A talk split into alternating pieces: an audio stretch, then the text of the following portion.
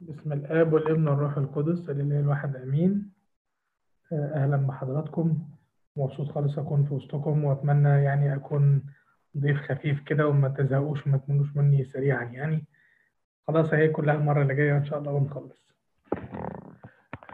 آه، المقدمة الرائعة اللي قالها الخادم الفاضل في موضوع الهروب اللي قلناه المرة اللي فاتت في بركات الهروب. لملنا كده الموضوع ب- بمراجعة سريعة. النهاردة هنتكلم عن موضوعين كبار.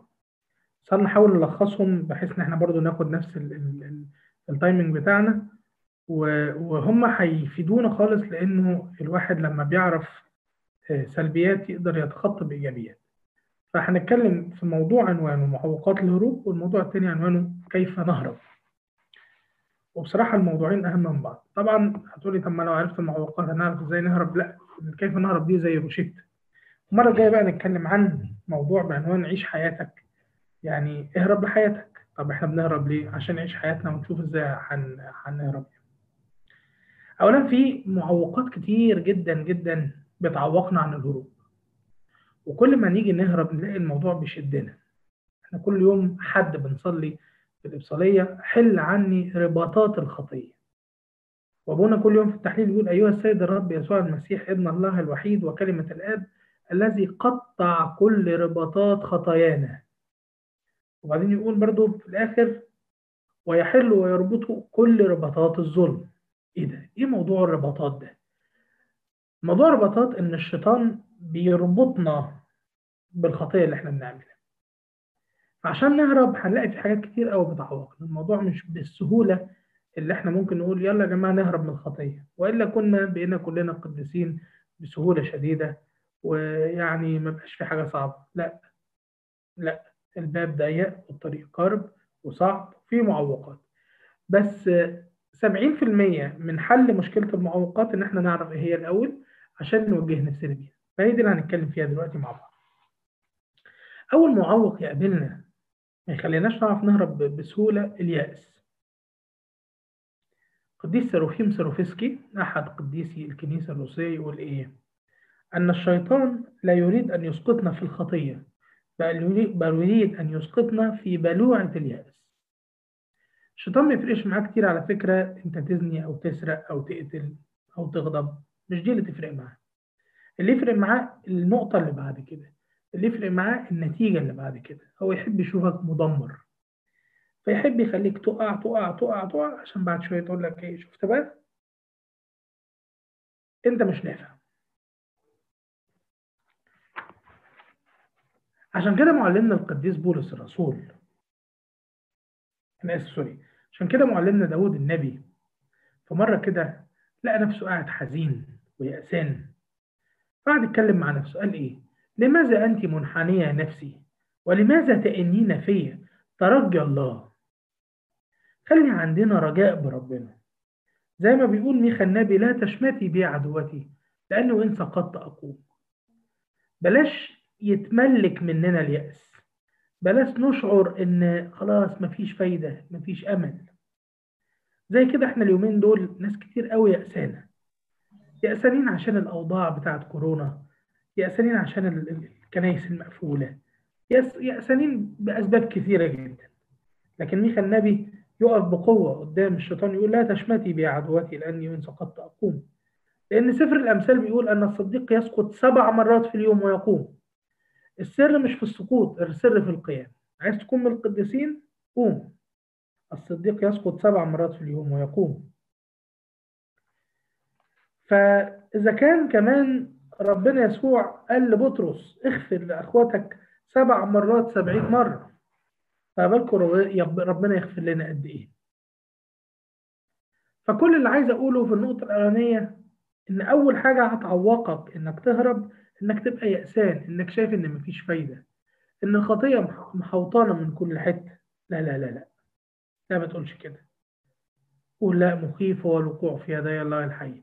قول لا تشمتي بعدوتي لأني إن سقطت أقوم. قوم من يأسك. قول له يا رب أنا مش عايز أنا مش عايز الخطية. وإذا كنت وقعت مرة واتنين أنت تغفر وتسامح وتحل عني كل ربطات خطيتي. فأول حاجة تهرب بيها من الخطية وتحس إنها ربطك هي اليأس. اتنين رابع رقم اتنين قريب شوية من رقم واحد. الخبرات الفاشلة. اللي بيسموها دلوقتي في علم المشهورة السيلف ايمج كل واحد واخد عن نفسه صورة معينة. يعني مثلا في مجال الخدمة في واحد شايف إنه مش بيعرف يرنم يا سيدي أنت صوتك ماشي ما أنتش عبد الحليم بس صوتك كويس وبتقدر تقود الولاد في الترانيم. ممكن تقول الترنيم لا لا لا أنا صوتي وحش. أصل في واحد قبل كده اتريق عليا وأنا برنم طب الأخ اللي كان بيتريق عليك ده كان بيهزر معاك لكن أنت فعلا صوتك كويس.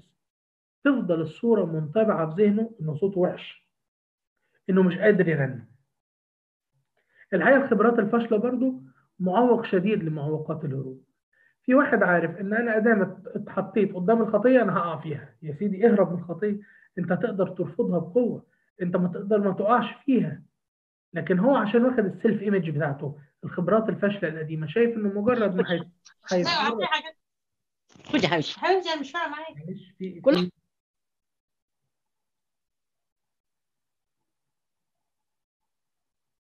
عشان هو واخد صورة عن نفسه إنه مجرد ما يتعرض للخطية مش هيقدر يهرب فما بيعرفش يهرب ولا يسيب الخطية اللي هو واقع فيها. يبقى نمرة واحد قلنا اليأس، اثنين قلنا الخبرات الفاشلة، ثلاثة صغر النفس. في آية جميلة جدا جدا في سفر آه، الخروج بتتكلم عن شعب بني إسرائيل بتقول إيه؟ هؤلاء لم يسمعوا لموسى من صغر النفس. في ناس كتير قوي تشعر بضآلة نفسها بصغر القلب وصغر النفس. تحس إنها أضعف كتير من الشيطان أضعف كتير من الخطية. تقول لي إيه الفرق بين دي وبين الخبرات الفاشلة؟ لا الخبرات الفاشلة مش بالضرورة إن أنا شاعر إن أنا صغير أو عندي صغر نفس. لكن الخبرات الفاشلة شايفة إن أنا لا لا أنا الموضوع ده أنا دي بتاعتي يعني الخطية دي بتاعتي. لكن صغر النفس هو الشعور بالدونية الشديدة إن أنا ماليش لازمة. إن أنا ما أعرفش أعمل حاجة. الواحد كل ما يشعر أكتر بصغر النفس كل ما يعرفش يهرب من الخطية. والخطية تحوط عليه وتمسك فيه. قول مع آه، آه، القديس بولس الرسول مع المسيح صلبت. لا أحيا لا أنا بل المسيح يحيا فيا. لما تيجي ال- الشيطان يحاربك قول له أنت بتكلم مين؟ كلم المسيح اللي جوايا. بولس الرسول يقول لك فإن مصارعتنا ليست مع دم ولحم. وأنها طرحت كثيرين جرحى وكل قتلاء أقوياء. لكن أنت تقول إيه؟ اسم الرب برج حصين يرقد إليه الصديق ويتمنى. لا تكن صغير النفس. لا تكن صغير النفس.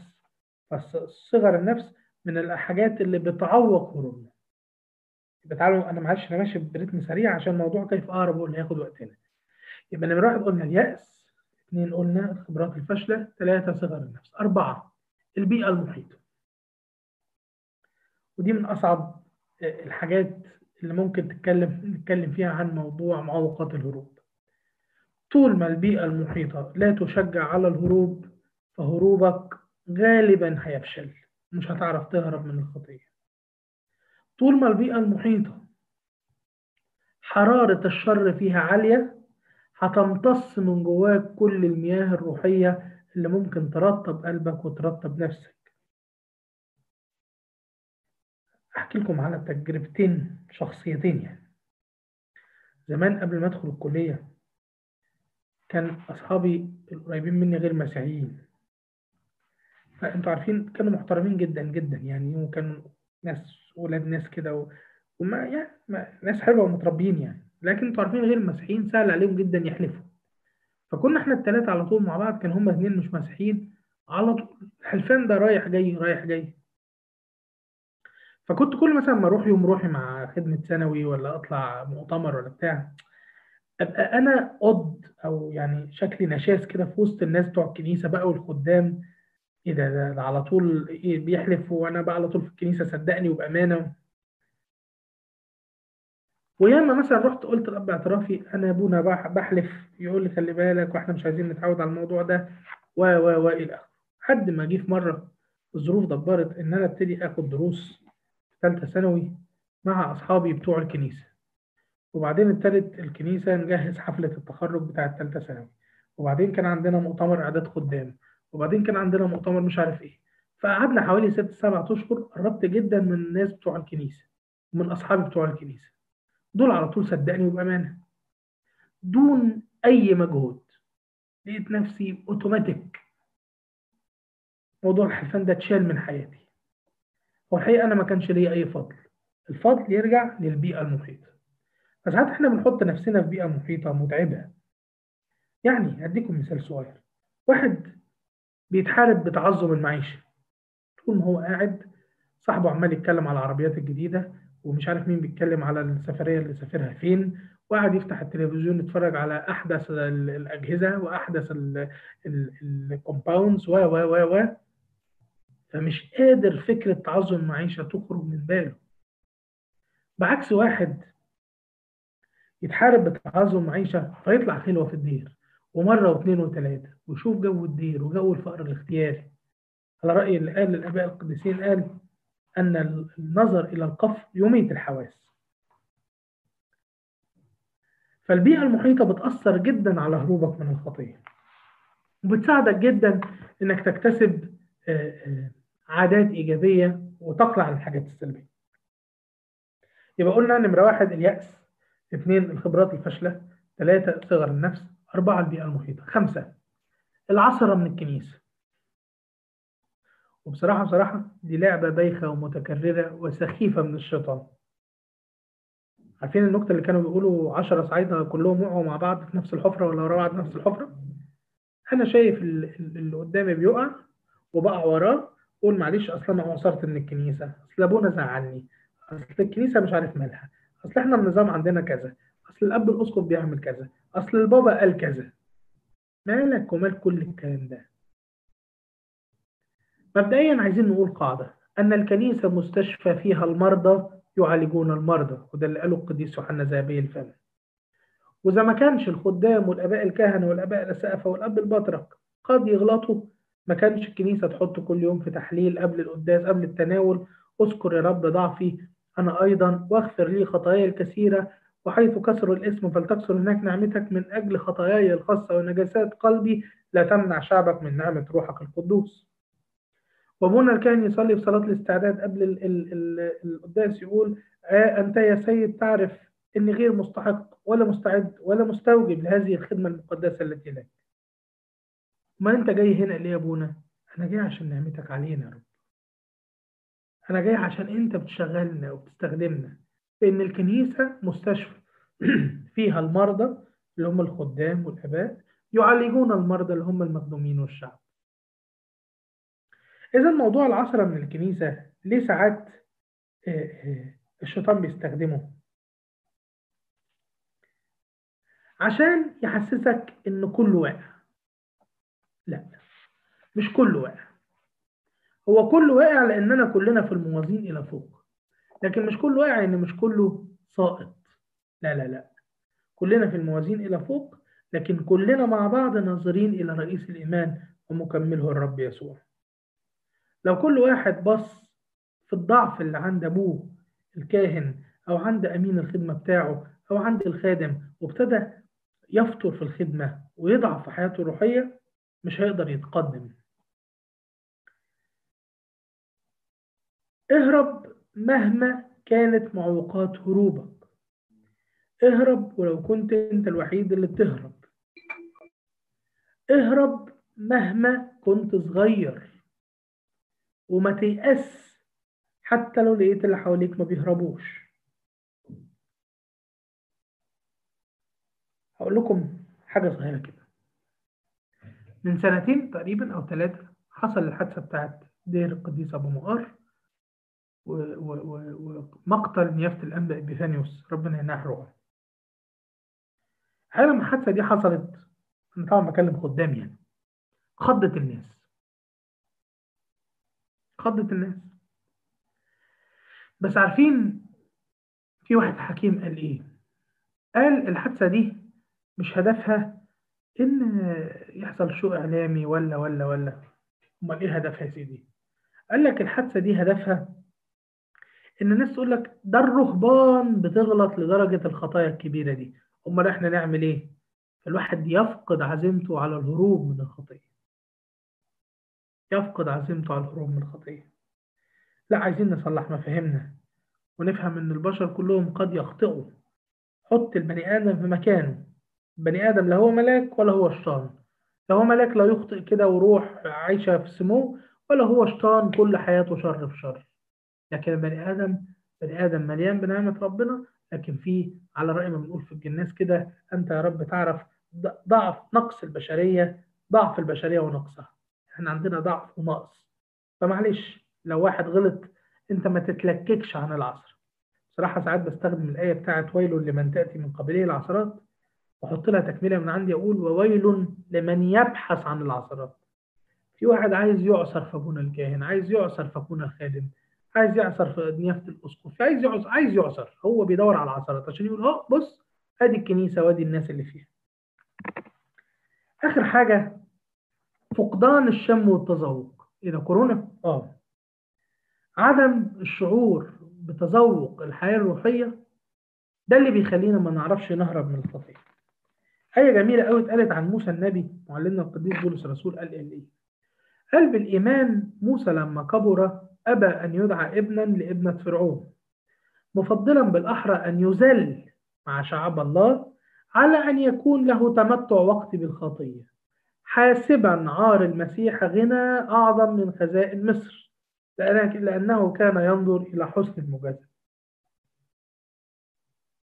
مفضلا بالأحرى أن يذل على أن يكون له تمتع دي جبتها منين؟ كان عنده تذوق روحي عارفين ليه إحنا مش بنهرب من الخطايا النجاسة؟ لأن إحنا مش ضايقين الطهارة عارفين ليه مش بنعرف نهرب من خطايا عدم الأمانة؟ لأن إحنا مش قد مش ضايقين الأمانة عارفين ليه مش بنهرب من خطايا الإدانة؟ لأن إحنا مش مش قادرين ندوق حلاوة مسك السيرة حلاوة مسك اللسان عن مسك السيرة لكن ضايقين مسك السيرة ضايقين النجاسة ضايقين عدم الأمانة ضايقين الخطية. والشيطان يحط السم في العسل. لكن إنسان الله يعود حواسه الشم والتذوق الروحي بتاعه عشان يتذوق حلاوة الصلاة. فلما يصلي ويحس بربنا يرفض الخطية اللي ممكن تبعده عن ربنا. عشان ما اطولش عليكم أكتر من كده قلنا ست معوقات للهروب. ممكن نقولهم سريعا وفي وقت أقل ناخد موضوع كيف اهرب يبقى نمرة واحد قلنا خلي بالك اليأس هيعوقك. طول ما أنت يائس طول ما أنت شايف إن مفيش فايدة مش هتعرف تهرب هتلاقي نفسك مربوط. اتنين الخبرات الفاشلة إن أنت تاخد self image عن نفسك كده. ثلاثة صغر النفس تشعر بالدونية وإنك ضايع. أربعة البيئة المحيطة الناس اللي حواليك المجتمع الأفكار الميديا اللي بتتفرج عليها. البيئة المحيطة مش شرط تكون أصدقاء ممكن تكون الفيديوهات اللي بتتفرج عليها. يعني افتح كده اليوتيوب بتاعك شوف الناس الحاجات اللي انت بتتفرج عليها كتير إيه. لو بتتفرج على حاجات تتعبك من أي نوع من أنواع التعب التعب ده مش تعب بس شهوات جسدية. زي ما قلت كده على سبيل المثال تعظم المعيشة البيئة المحيطة تأثر جدا على هروبك من الخطية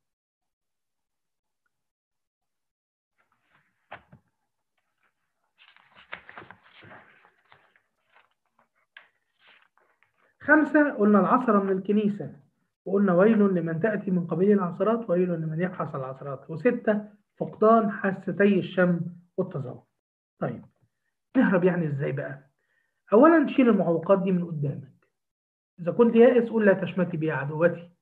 خد self image عن نفسك إنك ابن ربنا وإنك تستطيع كل شيء في المسيح الذي يقويك لا تكن صغير النفس في صلاتك بالعكس دي آية اللي أنا بقولها دي بالعكس خليك واثق في ربنا. شوف أن الذين معنا أكثر من الذين علينا.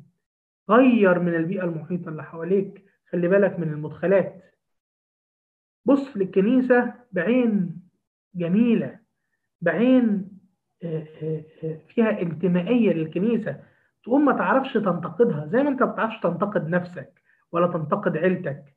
انت بتنتقد الكنيسة لأنك تشعر إنك غريب عنها. بالعكس. إحنا كلنا عيلة واحدة وحتى لو في مشكلة معينة نبقى نكون إيجابيين في حل المشكلة دي. وآخر حاجة درب حواسك الروحانية إن أنت تشم وتتذوق كويس. ده لو إحنا خلصنا من المعوقات دي إيه الخطوات اللي آخدها بقى عشان أهرب؟ برضه مش هطول عليكم على طول في دقايق قليلة. نمرة واحد خد القرار. إيه إيه يعني إيه خد القرار؟ كتير جدا ناس ما بتهربش عشان هي مش واخدة القرار أصلا. يعني خد القرار إنك لو قعدت في القعدة دي مش هتجيب سيرة الناس. خد القرار إنك لو لو لو قعدت لوحدك مش هتشغل مش هتعمل المكالمة الفلانية مش هتشغل الحاجة الفلانية اللي هتتعبك خد القرار. قول مع الابن الضال أقوم وأذهب إلى أبي أقوم الآن وأذهب إلى أبي. القرار لما بيتاخد ما ينفعش يتأجل لأن لو اتأجل غالبا هيبرد. القديسة بئيسة أخذت القرار والقديس يحنس القصير عندها. أعمل إيه؟ قال لها يلا دلوقتي. طب ما نخليك هنا للصبح. يلا دلوقتي. حاضر دلوقتي.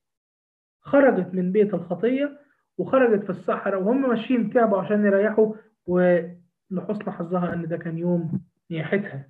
ولولا إن ربنا حب يكشف إن توبتها مقبولة عمل زي رؤية جميلة بعمود نور على جسد القديسة بئيسة وعرف القديس يحنس القصير إنها خلاص مجرد ما أخذت القرار خلاص هي اتقبلت في حضن ربنا.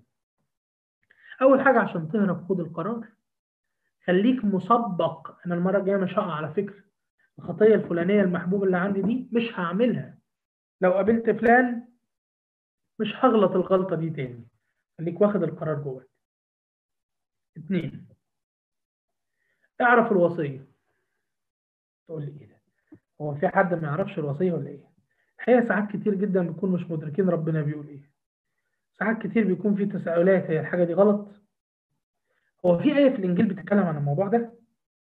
اعرف الوصية ولو مش عارف دور وفتش لأن هلك شعبي من عدم المعرفة زي ما قال هوشع النبي. اعرف الوصية واعرف خطورة الإنذار والعقوبة يعني اعرف إن كل وصية وراها في عقوبة. عشان تبقى فاهم ومدرك ربنا طلب منك الطلب ده ليه. اعرف الوصية واعرف إن إن اللي مطلوب منك كونوا أنتم كاملين كما أن أباكم الذي في السماوات هو كامل. مش مطلوب منك تنجح مطلوب منك تتفوق في الوصية. مطلوب منك ما تتشبهش بالأمم. الكتاب المقدس مش مستويات مش في مستوى للناس العاديين ومستوى للناس المتميزين ومستوى للرهبان الكتاب المقدس بتاعنا بوصاياه كله على بعضه حتة واحدة. حتى الوصايا اللي بنظنها ساعات دي وصايا خاصة بالرهبان مش مكتوبة للرهبان. لا تكنزوا لكم كنوزا على الأرض مش مكتوبة للرهبان مكتوبة لينا إحنا. قديس لمبا أنطونيوس كتب في رسالة في مرة تعليقا على هذه الوصية الجميلة لا تكنزوا لكم كنوزا على الأرض وقال إيه؟ قال ليه المسيح قال لا تكنزوا لكم كنوزا على الأرض لأنه يعلم تماما أن أذرع الشيطان الممدودة في حياتنا هي الممتلكات. عايز تعرف الشيطان بيدخلك في حياتك منين؟ من خلال ممتلكاتك من خلال اللي عندك. من خلال اللي عندك. فاعرف الوصية واعرف ربنا عايز منك إيه. نمرة ثلاثة خليك في النور. الله على الحتة دي. الله على الحتة دي. طول ما انت في النور لا يمكن تقع.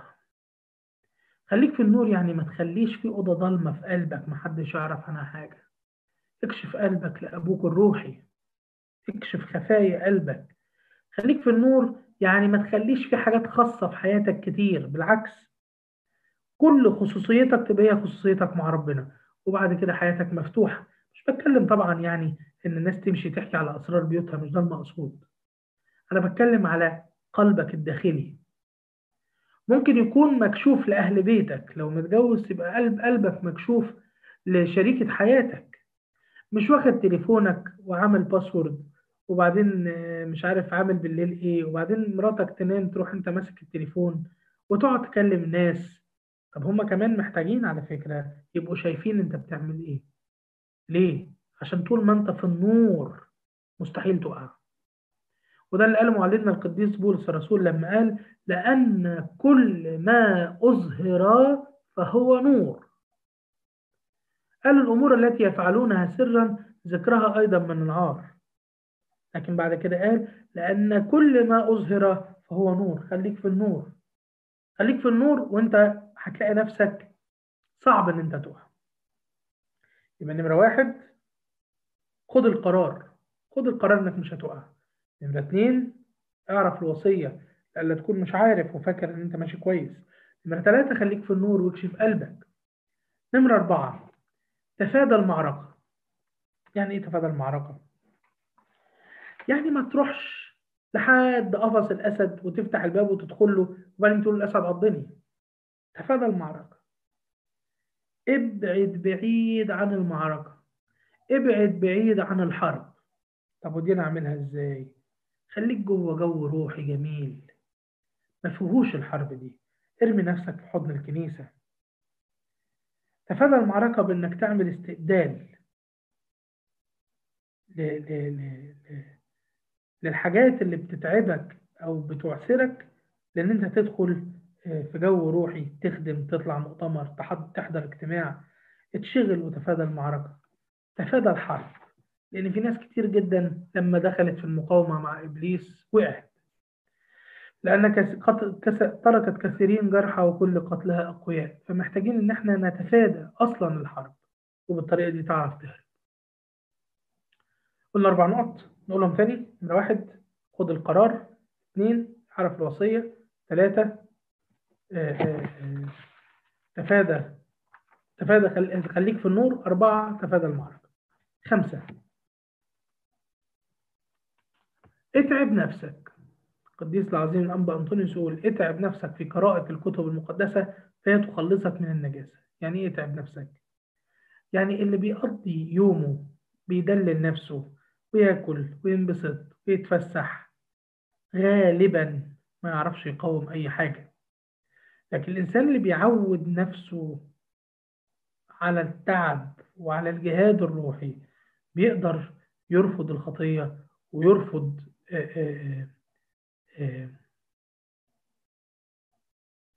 ما يقدمه له الشيطان بكل قوة.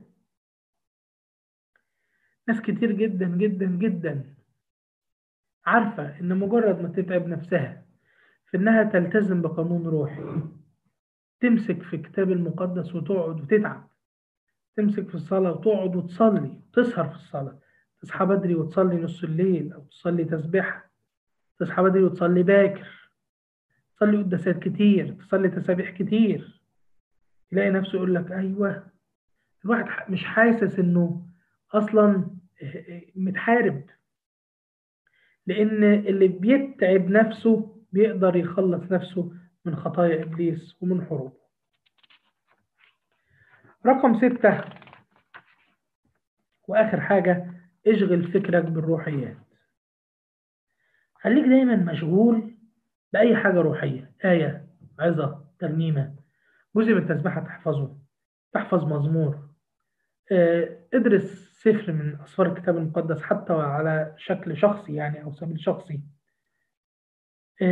اقرأ كتب روحية. اعمل بحث في موضوع معين. اشغل نفسك بالروحيات. فكر نفسك بالروحيات كتير.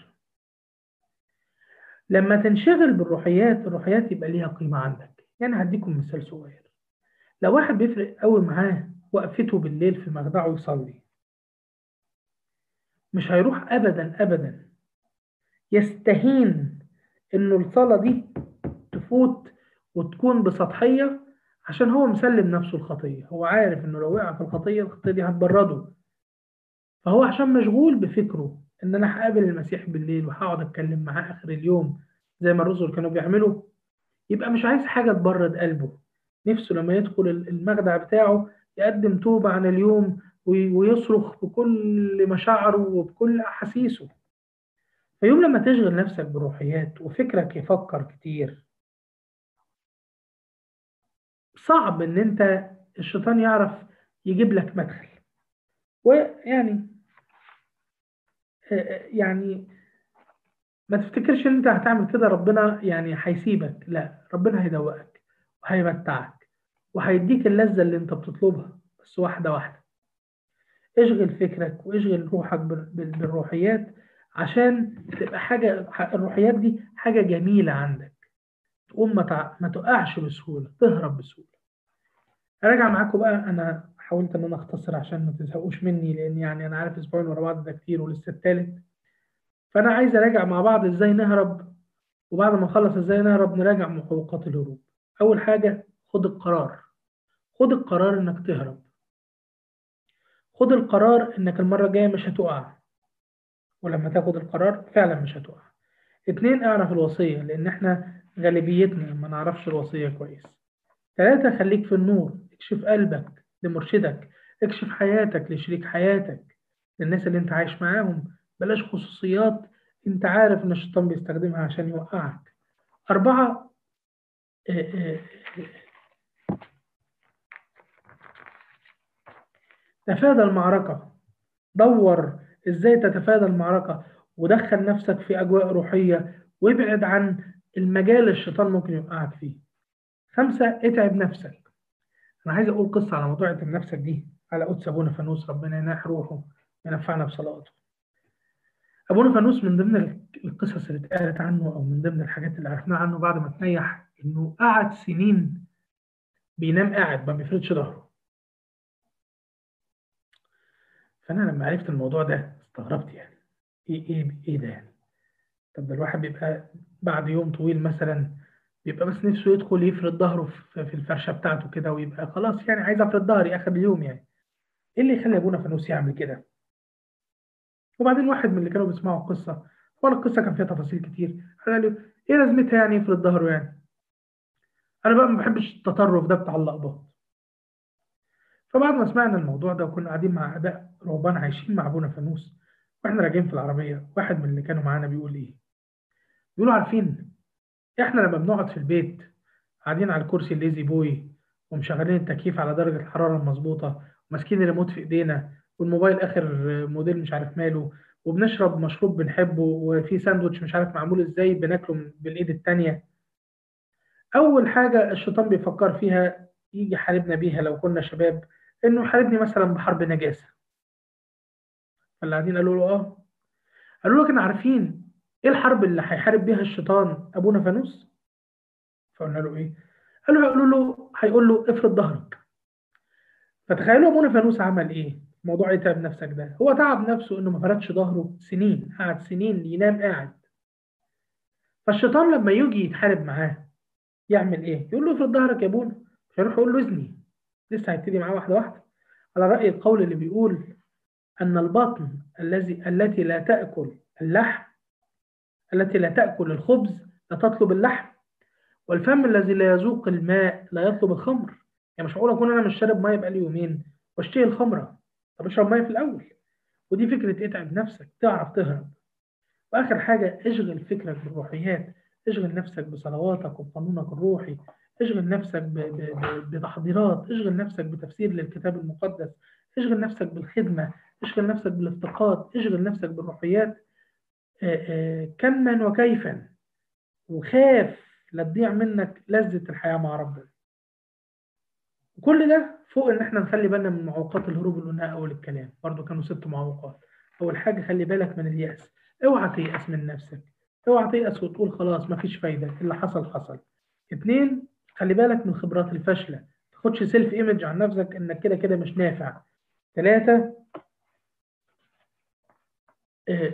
خلي بالك.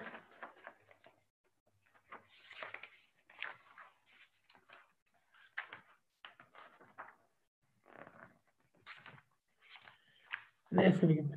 خلي بالك من صغر النفس. ما تاخدش فكرة إنك صغير وضعيف وخاطي وما تنفعش. أربعة خلي بالك من البيئة المحيطة. مش البيئة المحيطة بس من الناس لأ البيئة المحيطة كمان من الميديا والمعلومات اللي داخلة. خمسة خلي بالك من العصرة من الكنيسة وما تدورش على العصرات. الكنيسة دي بيتك. وأبونا الأسقف ده أبوك وأبونا الكاهن ده أبوك وأخوك أخوك الخادم ده أخوك. حتى لو في مشكلة في حد روح واتكلم معاه بإيجابية وباحترام وبخضوع وباتضاع. تكسب أخوك وتكسب الكنيسة وتكسب نفسك للكنيسة وتكسب الكنيسة لنفسك. ستة فقدان حاسة الشم والتذوق.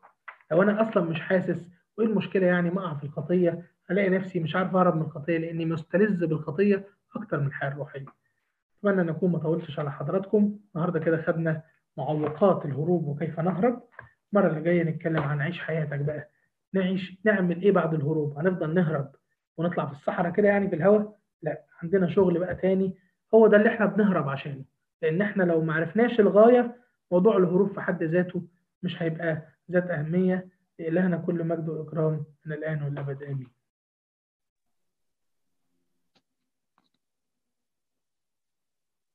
في أي سؤال لأستاذنا الأستاذ الفريد البير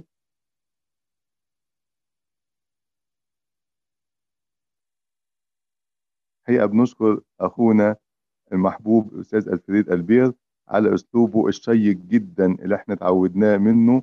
عرفنا معوقات الهروب وعرفنا كذا حاجة بتعوقنا الهروب عشان الشيطان مش هيسيبنا. زي ما الأستاذ الفريد قال لنا إن الشيطان مش بيوقعنا في الخطية أساسا عايز يوقعنا في اليأس وده بداية كل الخطايا اليأس والخبرات الفاشلة ال self image وصغر النفس البيئة المحيطة لينا وده يخلينا نهتم جدا جدا بأصدقائنا المحيطين. كل صديق بيزودني معرفة ولا لأ؟ كل صديق بيزود بيقربني من ربنا ولا لأ؟ دي مهمة جدا جدا وخصوصا في سن الشباب والعصرة من الكنيسة وزي ما قال لنا إن الكنيسة مستشفى مرضى يعالجون مرضى. كلنا في الموازين إلى فوق. لكن أبونا الاسقف ده أبويا وابويا الكاهن ده أبويا الخادم الأكبر بيني أمين الخدمة ده أبويا. كلنا في محبة ومحبة المسيح تحصلنا. وفقدان الشم والتذوق. الشيطان عايز يخلينا نتذوق جسديا لكن بيفقدنا تذوق الروحي عشان ما نعرفش حلاوة الصلاة حلاوة الوقوف مع ربنا. حلاوة الخدمة عشان كده بيسقطنا في الخطية. وعرفنا إزاي نهرب من الخطية نشيل المعوقات ونعرف إن إحنا ولاد ربنا نستطيع كل شيء في ربنا ولما يكونش عندنا صغر النفس ونغير البيئة المحيطة لينا وننظر للكنيسة بعين جميلة ننظر نكون إيجابيين في علاقتنا بالكنيسة وندرب حواسنا الروحية بحيث نكون عندنا تذوق الروحي. وعرفنا خطوات الهروب إن إحنا ناخد قرار وما نأجلوش. أقوم الآن وأذهب إلى أبي ونعرف الوصية ونعيش فيها ونخلينا في النور ونتفادى المعركة ونتعب نفسنا علشان خاطر في جهادنا في صلواتنا في قرايتنا في حفظنا للألحان عشان نقرب جدا من ربنا. ونشغل فكرنا بالروحيات وكل ما نشغل روحي نفسنا بالروحيات ما نقدرش ما يقدرش الشيطان يوقعنا في الخطية. الحقيقة